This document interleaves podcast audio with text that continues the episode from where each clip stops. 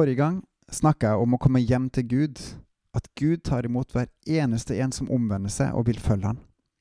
I dag vil jeg snakke om neste steg, det å følge Han. Til det vil jeg ha hjelp av Esra Nehemja i GT i dagens Gud i sentrum-episode av meg, Håkon Winnem. Omtrent som i Norge i dag var synden stor blant Guds barn i Israel og Juda under kongetida i ca. år 1000 til 587 før Kristus. Det var få konger og folk som levde etter Guds vilje, men som heller shoppa litt her og der. Avgudsdyrking, med andre ord. Gud ga dem mange sjanser, men folk nekta å vende om til Gud. Det er fra denne perioden nesten alle profetene i GT levde. Det mangla ikke på håndsutrekning fra Gud, men folk hadde harde hjerter. Valget var dom eller frelse. Å ikke velge er også å velge. Det endte som det måtte til slutt. Gud kan ikke la urettferdighet være ustraffa. Først falt Nordriket 722, deretter Sørriket i 587-586 for Kristus. Starten på de 70 årene i ødemarka var begynt. Men Gud hadde ikke glemt sitt folk. Les for eksempel Esekiel.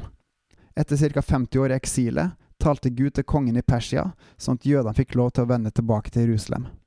Egentlig hadde de lov og midler til å gjenreise tempelet, men pga. motstand tok det 20 år og en ny konge før tempelet ble ferdig, altså 70 år før de igjen ofra til Gud på alteret. Igjen, Gud holdt sitt ord, og han reiste opp israelsfolket, ikke fordi han fortjente, men fordi han ville det. Dette var selvfølgelig også en del av hans store frelsesplan, som er for hele verden, for hver den som tror. Igjen ser Gud til hjertet. Vil du følge med? spør han. Omvend deg fra all urettferdighet mot meg og medmennesker, og jeg vil frelse deg. Og det og det og det. Gud er håpet for hver den som tror og følger Han. Han forsoner oss med seg, nå gjennom sitt evige offer, Jesus Kristus, Guds sønn. Hvilken nåde! Esra kom tilbake til Jerusalem på 400-tallet, før Kristus, altså en god stund etter at tempelet var reist opp. Han var en mann som virkelig søkte Gud og hans bud, og som tok på seg lederrollen og gikk i spissen for å gjenreise Guds ord og ære i Jerusalem. Også den gangen her styrte Gud kongen i Persia til å la Esra reise hjem, og gjøre sånn som Gud ville så underfundig at Gud styrer ikke-troende på den måten her. I Jerusalem oppdaga Esra at sjøl om tempelet hadde stått ferdig i nesten 60 år, levde folk likevel livene sine slik de fant det sjøl best. De hadde overtatt skikkene fra folk rundt seg, og deriblant gifta seg med kvinnene fra denne her folkeslagene. De brydde seg ikke om Guds bud, Guds veiledning, og derav var de utro mot Gud. Følg med, så vil jeg frelse dere, sier Gud. Sånn er det også i dag, skjønt nå er det Nytestementet-budene, Jesu to bud, vi skal følge. Esra og co. valgte å bøye seg for Gud og bekjenne sine synder. Så bør også vi gjøre, for vi blander kristendom med kulturer rundt oss som er Gud imot. Ingenting i verden er for Gud, og vi er blitt mer glad i verden enn Gud. Vend om og bekjenn syndene våre. Ca. 14 år etterpå kom Nehemia til Jerusalem. Han ble sjokkert over hvor dårlig det sto til med Guds folk, Israelsfolket. Igjen, ved hjelp av kongen, fikk han reise tilbake, og gjennom godt lederskap og ikke minst Guds lederskap klarte han i bresjen for folket å gjenreise muren og portene rundt byen på bare 52 dager.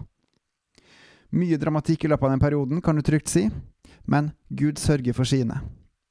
Fra da av hadde de muren, beskyttelsen på plass rundt seg. Angrep opplevde de fortsatt, også innenfra, men nå hadde de stort sett kontrollen sjøl. En skulle tro at nå fulgte de Gud ettersom han hadde gjort så store ting for dem, men nei. Ved Nehemjas andre tilbakekomst sto det like ille til som ved første. Hvor svikefullt menneskets hjerte kan være. Men, som det står i Jeremia 31, jeg, Gud, vil gi dere et nytt hjerte, et nytt sinn, og dere skal være mine i evig tid. Det er løftet gitt til Israelsfolket. Det er løftet gitt til oss i dag. Ved trua på Jesus får vi det her helt gratis hvis vi slipper han til. Da Nehemia kom tilbake, fant han ikke Iselsfolket verdige for Gud. De hadde skitna seg til med verden og var utro mot Gud, utro mot den pakta de hadde inngått med Gud. Hva med oss troende i dag? Mon tro om Gud finner oss verdige når han kommer tilbake? Lever vi for oss sjøl, eller lever vi for Han, fullt og helt?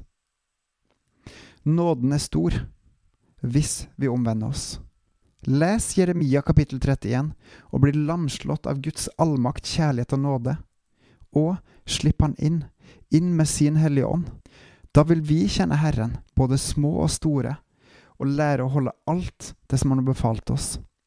Og se, Han er med oss inntil verdens ende. Takk, Gud. Bebels. På gjenhør.